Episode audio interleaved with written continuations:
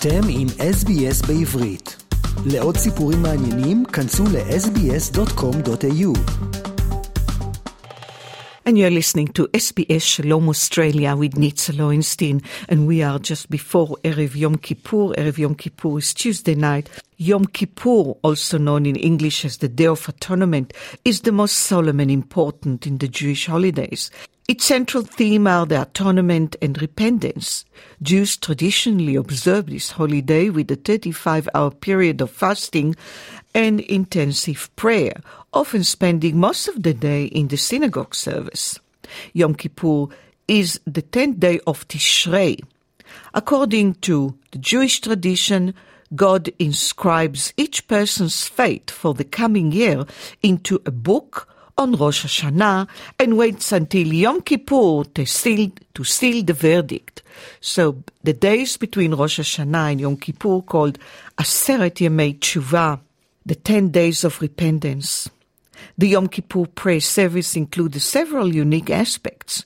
One is actual number of prayer service. Unlike a regular day, which has three prayer service, Yom Kippur has five prayer services. Ma'ariv, Shacharit, Musaf, Mincha, and Ne'ilah, the closing prayer. The prayer service also include a public confession of sin, vidui, and a reenactment of the special Yom Kippur Avodah, the service of the Kohen Gadol in the Holy Temple in Jerusalem.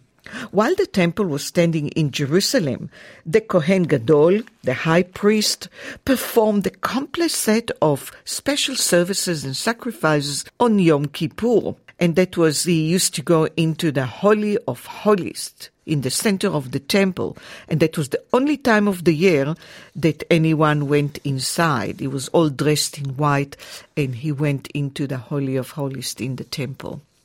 And Kol Nidrei is a Hebrew and Aramic, it's written in Hebrew and Aramic, declaration which was recited in the synagogue before the beginning of the evening service on every Yom Kippur. This declaration and whole ceremony around it have been charged with emotional undertones since the medieval period, creating a dramatic introduction to Yom Kippur on what is often dubbed Kol Nidrei night, with the entire Yom Kippur evening service uh, called Kol Nidrei. Kol Nidre is written in a mixture of Aramic, as I said, and Hebrew. Its name is taken from the opening words, which means all vows, Kol Nidre. The formula proactively eh, announces any personal or religious oaths which are made between oneself and God for the next year, so as to preemptively avoid the sin of breaking vows which are made to God, but are not or cannot be upheld. For example, many people say, oh, if I pass this exam, uh, I'll pray every day. Or if something happen, I'll do this, I'll pray every day, and I'll give tzedakah every day. And it's not happening.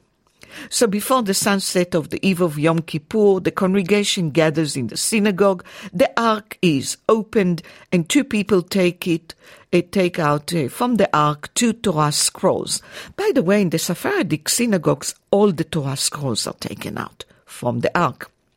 And then they take their places, one on each side of the cantor, and the three, they sort of symbolically forming Beit Din or rabbinical court recite by the authority of the heavenly court and by the authority of the court down here, by the permission of one who is everywhere, and by the permission of this congregation, we hold it lawful to pray with sinners.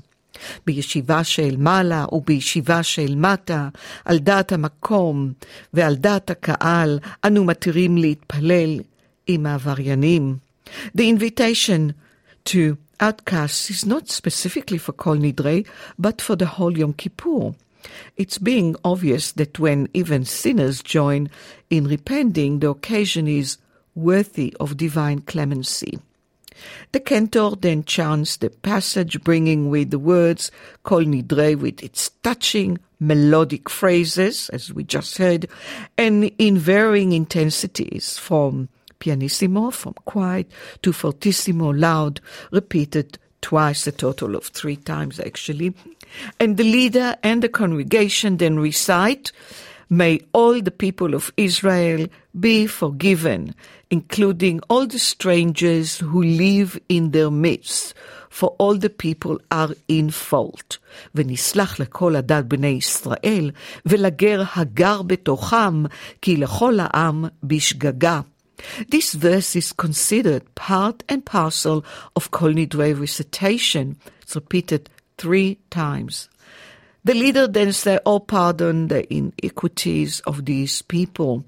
And then the leader and congregation say together three times, The Lord said, I pardon them according to your words. Then the Torah scrolls are put back into the ark, and the customary evening service begins. Now, what is the origin of Kol Nidre? The date and composition of the declaration and its author are unknown. But it was in existence at uh, the Geonim period, the Geonic period, which was between 589 to 1038. Well, it's part in Aramaic. They spoke Aramaic at that time.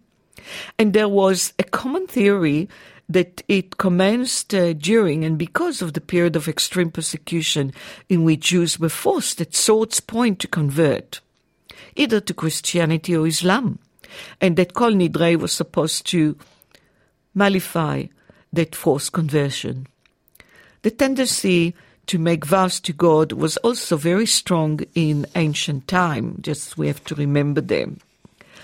And at one time, it was widely believed that the Kol Nidre was composed by Spanish Marranos Jews who were forced to convert to Christianity after the expulsion from Spain, yet who secretly maintained their original faith. And this idea being shown to be incorrect as the prayer predates this era. I mean, um, the Jews were expelled uh, from Spain in 1492. And so it was uh, predate this uh, by many centuries. However, this prayer was indeed used by the Marranos, and it's possible that the great significance and wide usage derive from this persecution. As Nidre clearly predated the Spanish Inquisition, it was uh, supposed that it may have uh, commenced during the Visigothic period, in Spain, with the 7th century, but its theory serious weakness as uh, it was adopted by Jewish communities around the world.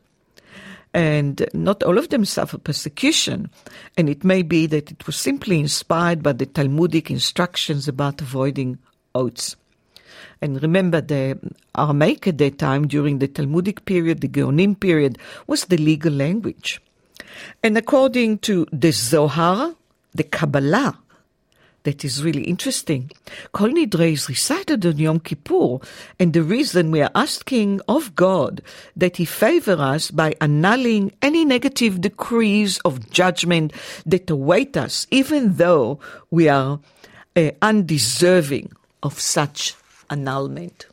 So this is really interesting, and the prayer being used by non-Jews as a basis for asserting that an oath taken by a Jew may not be trusted.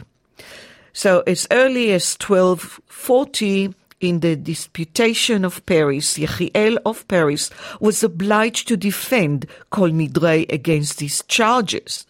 And even the Russian government in 1857 decreed that the prayer book must include an introduction to Kol Nidre, in uh, explaining to the readers of the limited nature of the vows that could only be released by the ceremony, that it's between men and God. And because this declaration has often been held up by anti-Semite as a proof the Jews are unworthy, don't keep the promise, the Reform movement, by the way, removed it from the liturgy, but it was only temporarily, and it was enough popular demand for its restoration. So it's back in the prayer book.